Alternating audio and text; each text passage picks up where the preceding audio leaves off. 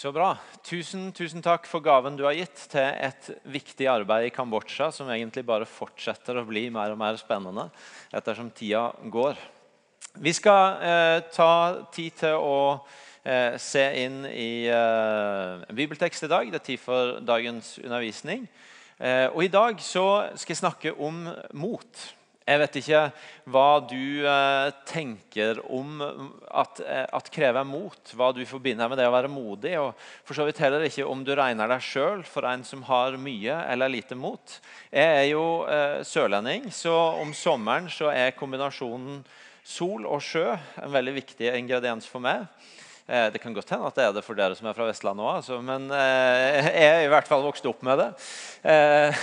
Eh, Eh, eh, og eh, Hver sommer så har vi vår faste badeplass hjemme i Tvedestrand, der jeg kommer fra. Og, eh, og Et sånn ganske vanlig ritual der det er at eh, du vil ha noen eh, Du vil i løpet av dagen På et eller annet punkt så er det en eller annen tøff gutt eller jente som gjør et eller annet halsbrekkende triks fra stupebrettet. Og så begynner det å samle seg en gjeng rundt der. og og eh, begynner å svirre sånne ord i lufta om salto og backflip. Og, eh, og, så er det et par andre gjerne som er ganske raskt ute. Og så blir bare forstoppelsen i køen lenger og lenger ettersom du kommer lenger og lenger bak i køen av de som jeg burde sikkert også tørre å gjøre et eller annet, men jeg vet egentlig ikke om jeg tør. Og så står de foran der og kikker ned, og så nei, litt tilbake, og køen bare vokser bak. ikke sant?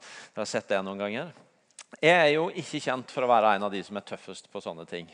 Eh, altså som, jeg, som, jeg, bruker å si om oppveksten min, at eh, kompisene mine de sykla eh, ned Fjærkleivene ned til Tvedestrand på veien sammen med bilene. Jeg sykla på fortauet, og så møttes vi i bunnen av bakken. Det er, liksom, det er kanskje litt talende for meg, da, eh, min tilnærming til sånne ting. Eh, men i fjor sommer så skulle jeg liksom være litt kul da, og hive meg med disse her onkel til. Klatra opp et fjell, og vi skulle hoppe. Og selvfølgelig var jeg sistemann ut. Eh, men syns jeg egentlig var ganske godt fornøyd med at jeg liksom heiv meg med og gjorde det. Eh, jeg tror Eivind har ett bilde av det. liksom, at jeg på en måte, Som dere ser, så er det jo ingen andre igjen. Så jeg er jo sistemann ut. Men jeg, men jeg var egentlig ganske godt fornøyd helt til jeg kommer opp på land. Og min kone står og humrer og har foreviga dette. Hvis dere får et litt nærmere bilde, så var ikke hennes fokus på et eventuelt mot, men at jeg faktisk holder meg for nesa. Som på en måte ikke er liksom kroningen av verket hvis du først skal ut og stupe. Så eh, ja, det, det, der har du med. Eh, noen ganger så er mot å tørre å gjøre ting Du kan ta det bildet nå, Eivind. Det er greit. Det, altså. eh, noen ganger så er mot å tørre å gjøre ting. Denne uka så satt jeg med en person som fortalte meg noe utrolig smertefullt som foregikk i den personens familie. Og eh, jeg kunne se smerten i han når han fortalte. Jeg kunne fornemme og høre smerten når jeg hørte historien. Og jeg tenkte blant flere ting du er modig. Du er modig som tør å sitte her med smerte i øynene, med sånn nærhet til historien, og fortelle så åpent og så trygt om noe som er så vanskelig. Du er modig som tør å sitte her og si midt i det at 'jeg har håp'. Jeg holder fast i håpet. Jeg, jeg, tror at dette skal lande godt, men akkurat nå er det veldig vanskelig. Mot det kan være veldig forskjellige ting. Det kan noen ganger være å tørre å gjøre noe. Det kan andre ganger være å tørre å si noe og være ærlig om noe. Det kan noen ganger være å tørre å holde fast i noe når omstendighetene forteller noe annet. Denne høsten skal vi i menigheten her bruke tid på å gå igjennom fire forskjellige bøker fra Det gamle testamentet. Møte noen av trosheltene som Bibelen forteller om, og det som er deres reise med Gud. Det Gud leder de inn i, det han kaller de til. Og, og jeg gleder meg til å gjøre det. Jeg tror Vi skal få oppleve mye spennende. Vi skal begynne med Josva. Dere fikk på vei inn i dag en enkel bibelleseplan. Jeg håper at dere denne høsten har lyst til å være med og ikke bare høre om det på søndagene, men være med å lese om det gjennom ukene.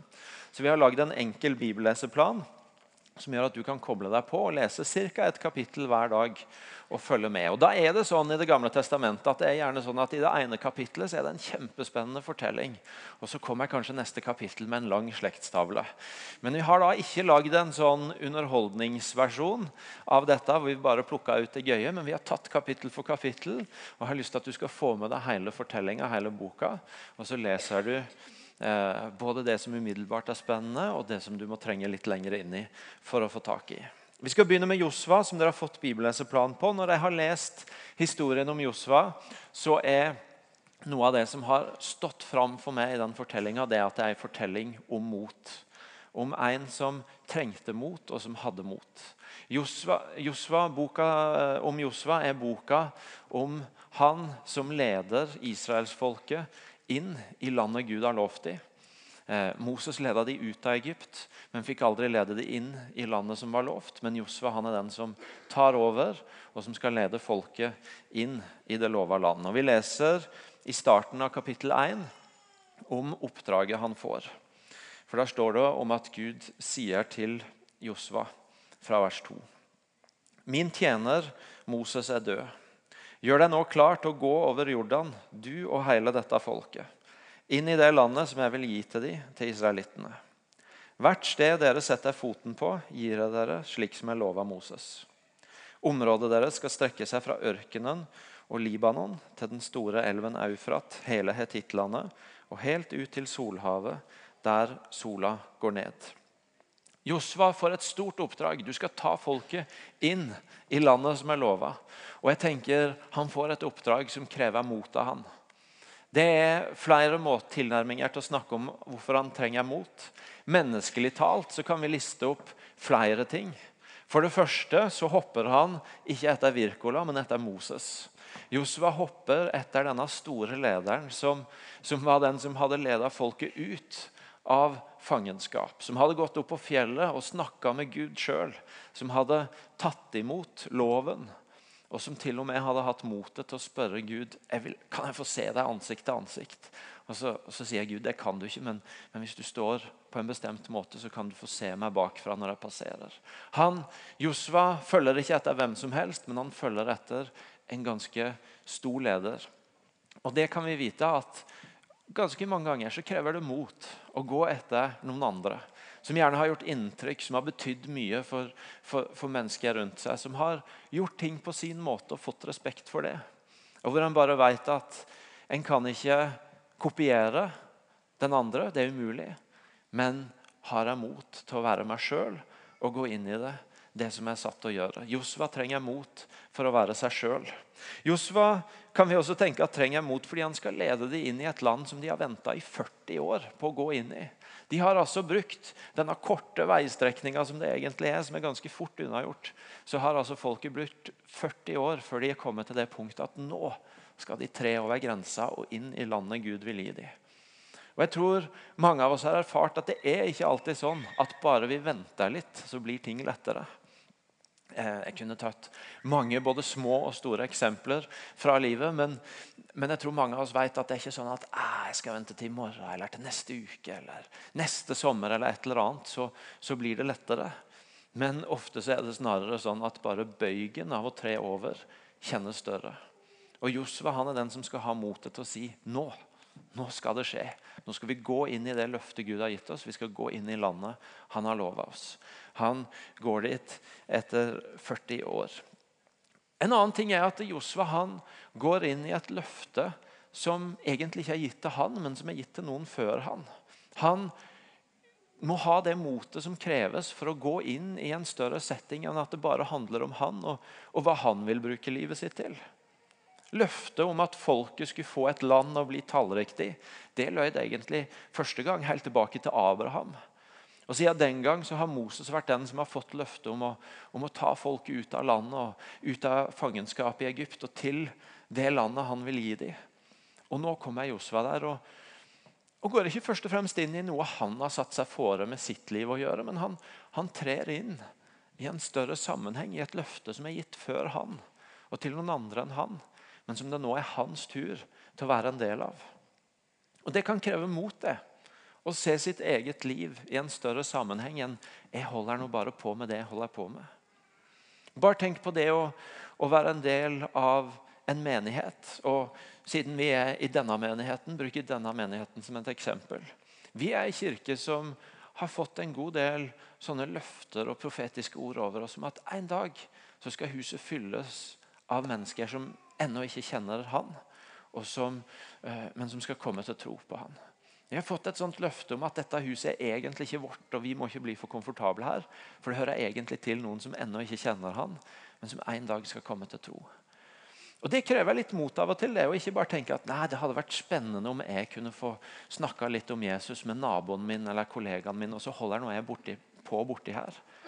Versus det å tenke at oi, jeg er en del av et ganske stort løfte, en del av en større sammenheng som har tro på at mennesker i byen vår skal få bli kjent med Jesus og få et liv med han.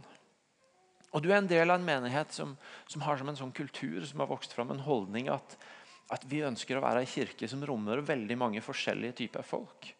Vi syns det er deilig at ikke alle i denne kirka ser like ut eller har likt utgangspunkt.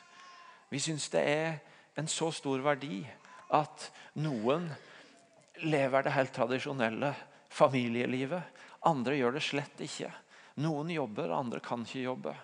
Noen er helt små og blir båret til dåp. Noen er i andre enden av livet. Og sammen så får vi leve menighet sammen. Og Det å være en del av menigheten betyr at du får lov til å være i nærheten av, men du også utfordres på å trø nær mennesker som ikke er lik deg, og som du kanskje ellers ikke ville vært i kontakt med. Denne uka så passerte jeg kafeen her ute, og så sitter det en som tilhører vår menighet og vår menighetsfamilie, som i morgen skal reise inn og sone 15 måneder i fengsel. Og så sier han det, er en her på huset som har sagt til meg at hvis det skal gå bra, så er jeg nødt til å skaffe meg 50 forbedere. Kan du være med og be for meg? Så sier jeg selvfølgelig vil jeg være med og be for deg. Ja, Da må du gjøre det òg, ikke bare si det, for nå forplikter du deg. så det blir litt sånn ansvarliggjort. Ja, ja, selvfølgelig. Jeg lover jeg skal be for deg hver dag. Men når jeg gikk fra den samtalen, så bare tenkte jeg ja, denne gjengen vil jeg tilhøre. Jeg vil tilhøre en gjeng hvor jeg kommer i kontakt med mennesker som, som lever helt andre liv enn meg, og som, og som, har en annen situasjon. Men som, fordi jeg får se meg sjøl i en større sammenheng, så får jeg mulighet til å trø nær og til å være sammen med andre mennesker. Trø inn i løfter som er større enn oss sjøl. Og til sist om Josva og mot. Han trenger mot fordi han skal lede et folk som historien viser at ikke alltid så lett lar seg lede. Det har vært mye surr i de 40 åra i ørkenen. Og Moses har fått brynt seg på å lede dem. Og Josva vet veldig godt at når han trer inn i dette, så setter han seg sjøl i en situasjon hvor han, hvor han ikke har full kontroll på hvordan det ender. Han gir seg i kast med mennesker som ikke uten videre bare vil gjøre som han sier, eller, eller som uten videre tenker likt som han. Han trenger motet til å stole på noen han ikke vet om han kan stole på. Han trenger motet til å plassere seg i en situasjon hvor han kan bli skuffa. Hvor han kan få problemer fordi noen andre skaffer ham problemer. Josva trenger mot. Men det er ikke bare ved å se på det menneskelige talt, ved det han skal inn i, at en kan tenke at Josva trenger mot. Men også åndelig talt så er det sånn at dette ordet om å være modig, om å ha mot, det er et ord som flere ganger lyder over livet hans. Det begynner med Moses, forgjengeren hans, som ved slutten av sitt liv setter han inn. Og i 5. Mosebok 31 sier til, til Josva. Det står i 31,7. Så kalte Moses Josva til seg mens alle israelittene så på, og sa til han, Vær modig og sterk. Men det er ikke bare Moses som sier det.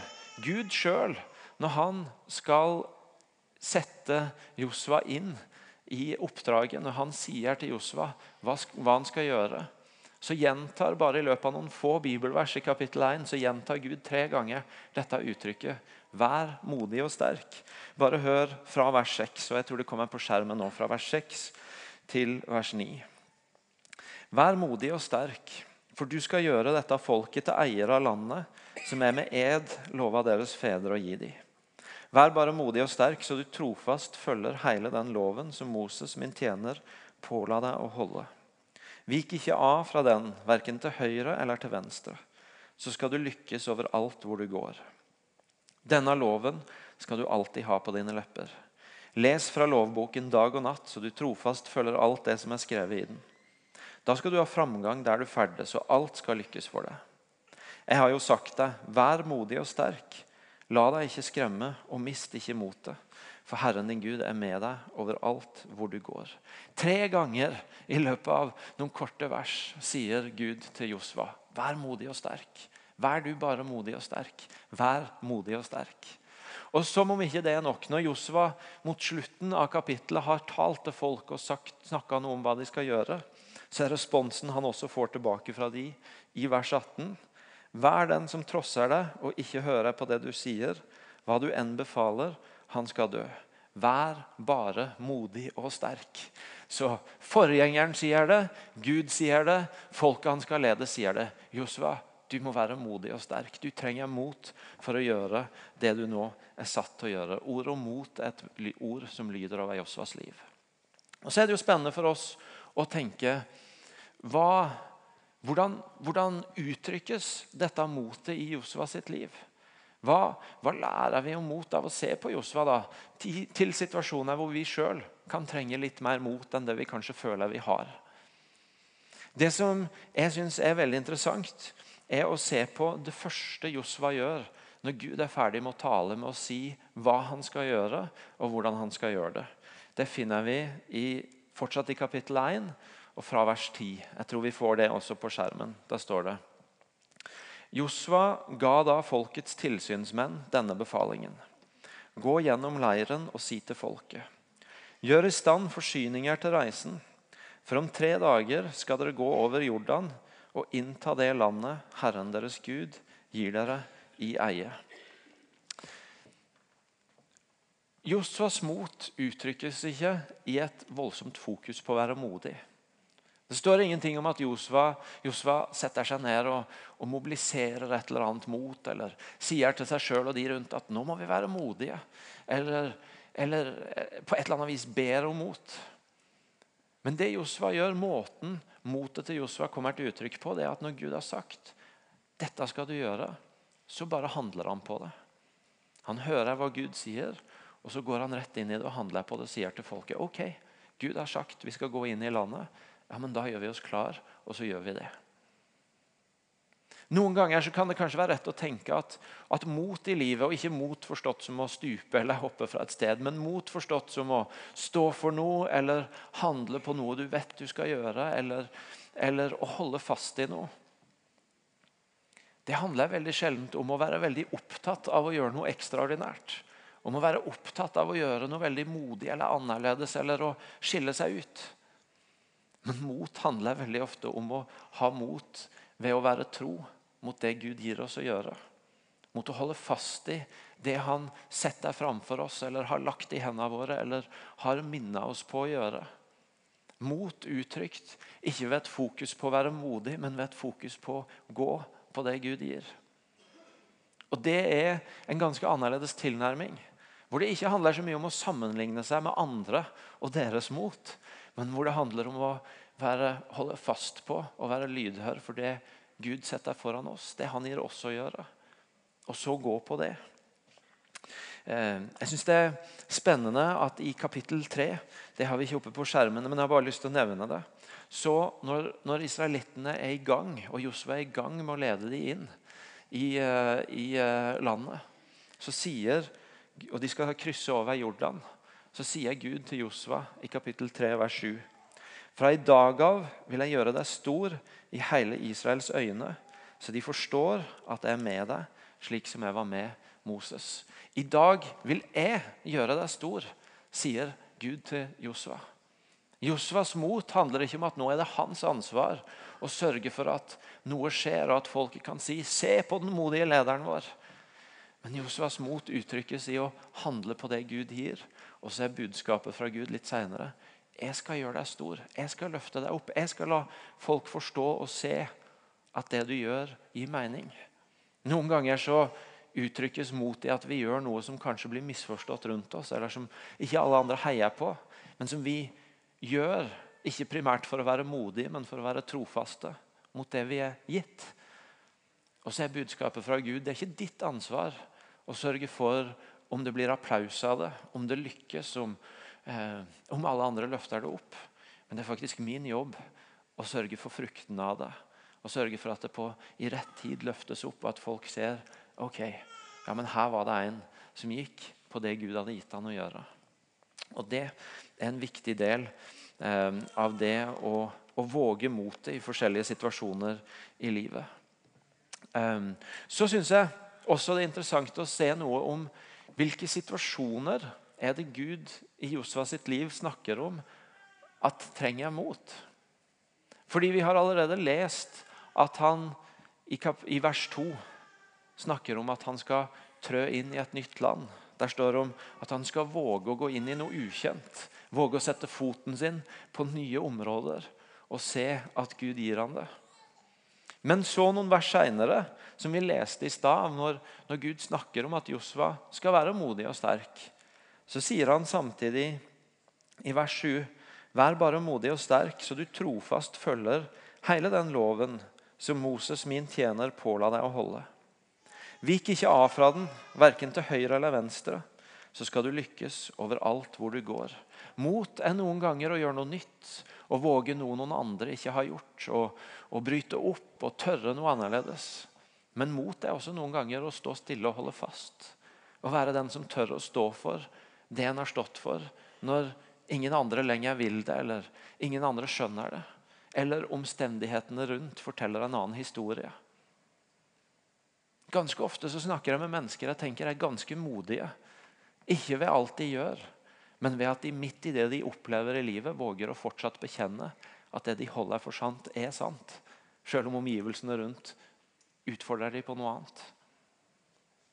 Mot er noen ganger bevegelse, og andre ganger å stå fast.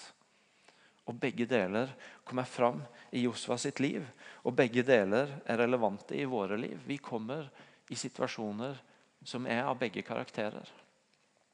Og så er det heldigvis sånn at for Josva så er ikke formaningen eller oppmuntringen eller hvordan du nå vil lese den, vær modig og sterk, det eneste han får høre over livet sitt. Allerede når Moses begynner å snakke om det i 5. Mosebok, som vi leste i stad, så sier ikke Moses bare 'vær modig og sterk', men han sier også i vers 8 Herren selv skal gå foran deg. Han skal være med deg, han svikter deg ikke, og forlater deg ikke. Vær ikke redd, og mist ikke motet. Og når Gud snakker til ham, så er det også det han får høre. Kapittel 1 i Josua, vers 5. Så lenge du lever, skal ingen kunne holde stand mot deg. Jeg vil være med deg sånn som jeg var med Moses. Jeg svikter deg ikke, jeg forlater deg ikke. Jeg vil være med deg. Jeg svikter deg ikke, jeg forlater deg ikke. Josva vet at han trenger mot for å gå med det Gud har gitt han å gjøre. Josua vet at han trenger mot for å holde fast på det Gud har sagt at er rett, i møte med et folk som en del ganger utfordrer han på å gå helt andre veier. Men det er, det er ikke sånn at det eneste Josua har å gå med, er en oppmuntring fra både gammel, både fra forgjengeren og fra de han skal lede, og fra Gud sjøl til å være modig. Men han går også med et løfte. Jeg skal være med deg. Jeg skal aldri svikte deg. Jeg skal aldri forlate deg.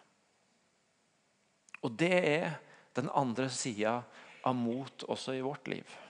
At denne boka er fylt av løfter om hvem han er, og hvem han ønsker å være i våre liv.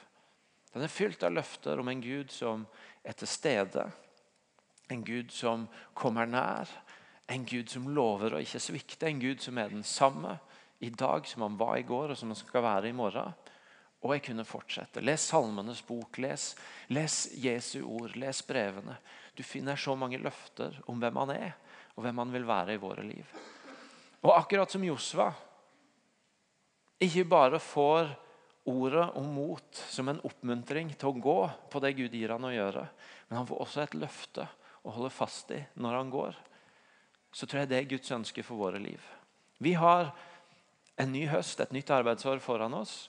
Og jeg er ganske sikker på at vi, de fleste av oss her inne har noen situasjoner i livet vårt som, hvis vi skal være tro mot det Gud har satt oss til, mot, mot det han har lagt foran oss i livet, mot det vi tror på og står for, så vil vi bli utfordra på om vi våger det, på om vi har motet til å stå i det. Det kan variere om det er mot å gå eller mot å stå. Men jeg har vondt for å tro at egentlig noen av oss her ikke trenger mot til å stå fast på et eller annet som Gud har gitt oss.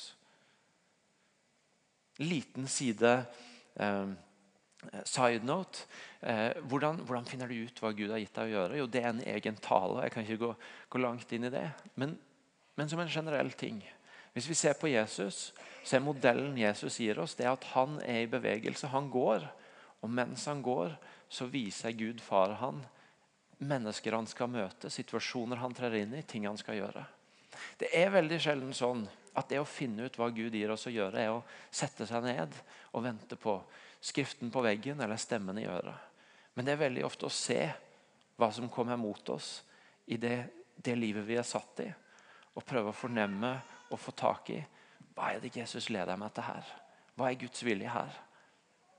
Til og med hvis du ikke føler at du på noe vis hører han eller føler han, bare tenker Jeg ser på Jesu liv og på hva som representerte han. Hvordan vil det si å, å ta med seg noe av det inn i, inn i denne situasjonen? Og Så finner vi mens vi går, ofte ut hva han leder oss til. Og Noen ganger så er det å tørre nye ting. Andre ganger så er det å stå og holde fast når ting blir utfordra. Men i det så er det så viktig for oss å ikke bare fokusere på det vi skal våge, men også fokusere på det han har lova. Og finne tak i gjerne ett eller to eller flere ord fra denne boka som representerer løfter om hvem han er. Og, og tenke at de ordene de ville be over dagene mine, de ville minne meg om i situasjoner jeg står i. Og de skal få være med på å gi meg frimodighet til å gå eller stå.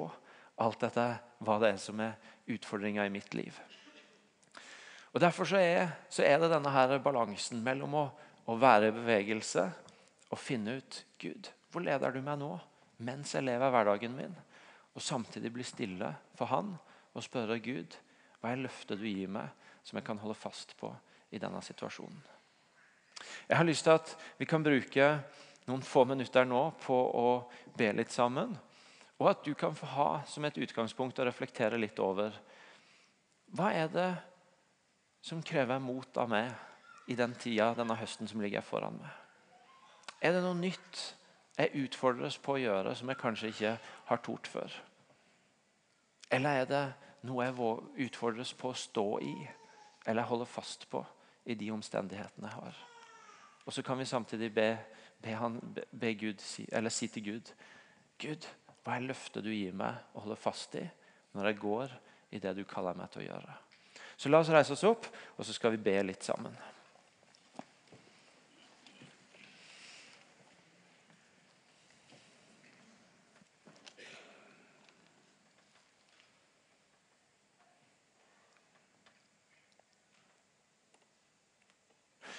Far, takk for at du har gitt oss denne boka med så mange historier om, eh, om mennesker som levde med du. Som vi kan lære av, og som vi kan se du gjennom, og som kan tale inn i våre liv. Du ser at hvis vi skal få leve livet vårt til fulle, til det du har skapt oss til, så utfordres vi stadig vekk i livet på å våge ting. På å våge å gå på noe nytt eller på å våge å stå på det du har satt oss til. Eller rett og slett bare på å våge på å holde fast på at den du er, og det du har sagt, er sant. Selv om det skjer masse utfordrende i omstendighetene våre. Og nå har jeg lyst til å be deg for hver enkelt av oss om at i møte med en ny høst at du, du minner oss om noen av de områdene hvor, hvor vi kanskje trenger motet. Ikke primært et et fokus på å være modig for å være modig, men et mot til å bare gå på det du gir oss å gjøre. Handle på det du leder oss inn i. Stå fast på det du har gitt oss å stå på. Tal til oss og minn oss, Hellige Ånd, om, om, om, om hva, det er, hva det gjelder i våre liv. Og så har jeg samtidig lyst til å bare be deg om å tale til oss om løfter du gir oss, og som taler spesielt inn i vår situasjon. Løfter om hvem du er som far, eller som den som forsørger, den som går med, den som trøster. Den som står fast. Løfter til ulike situasjoner i livet.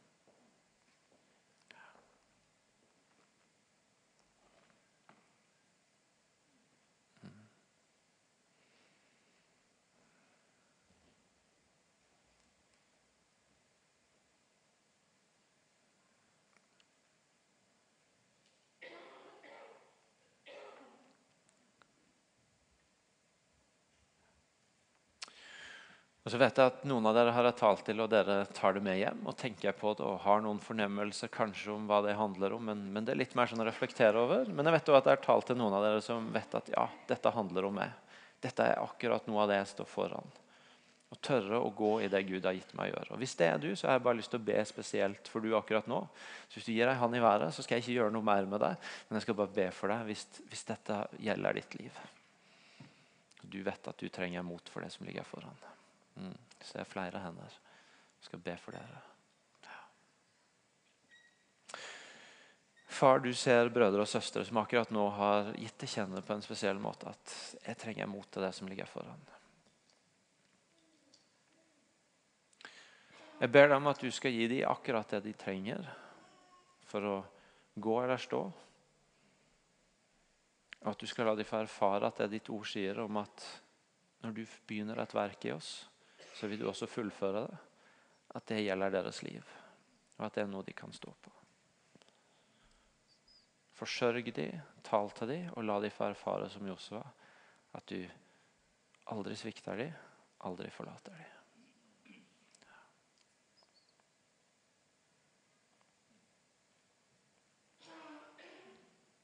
La oss synge sammen.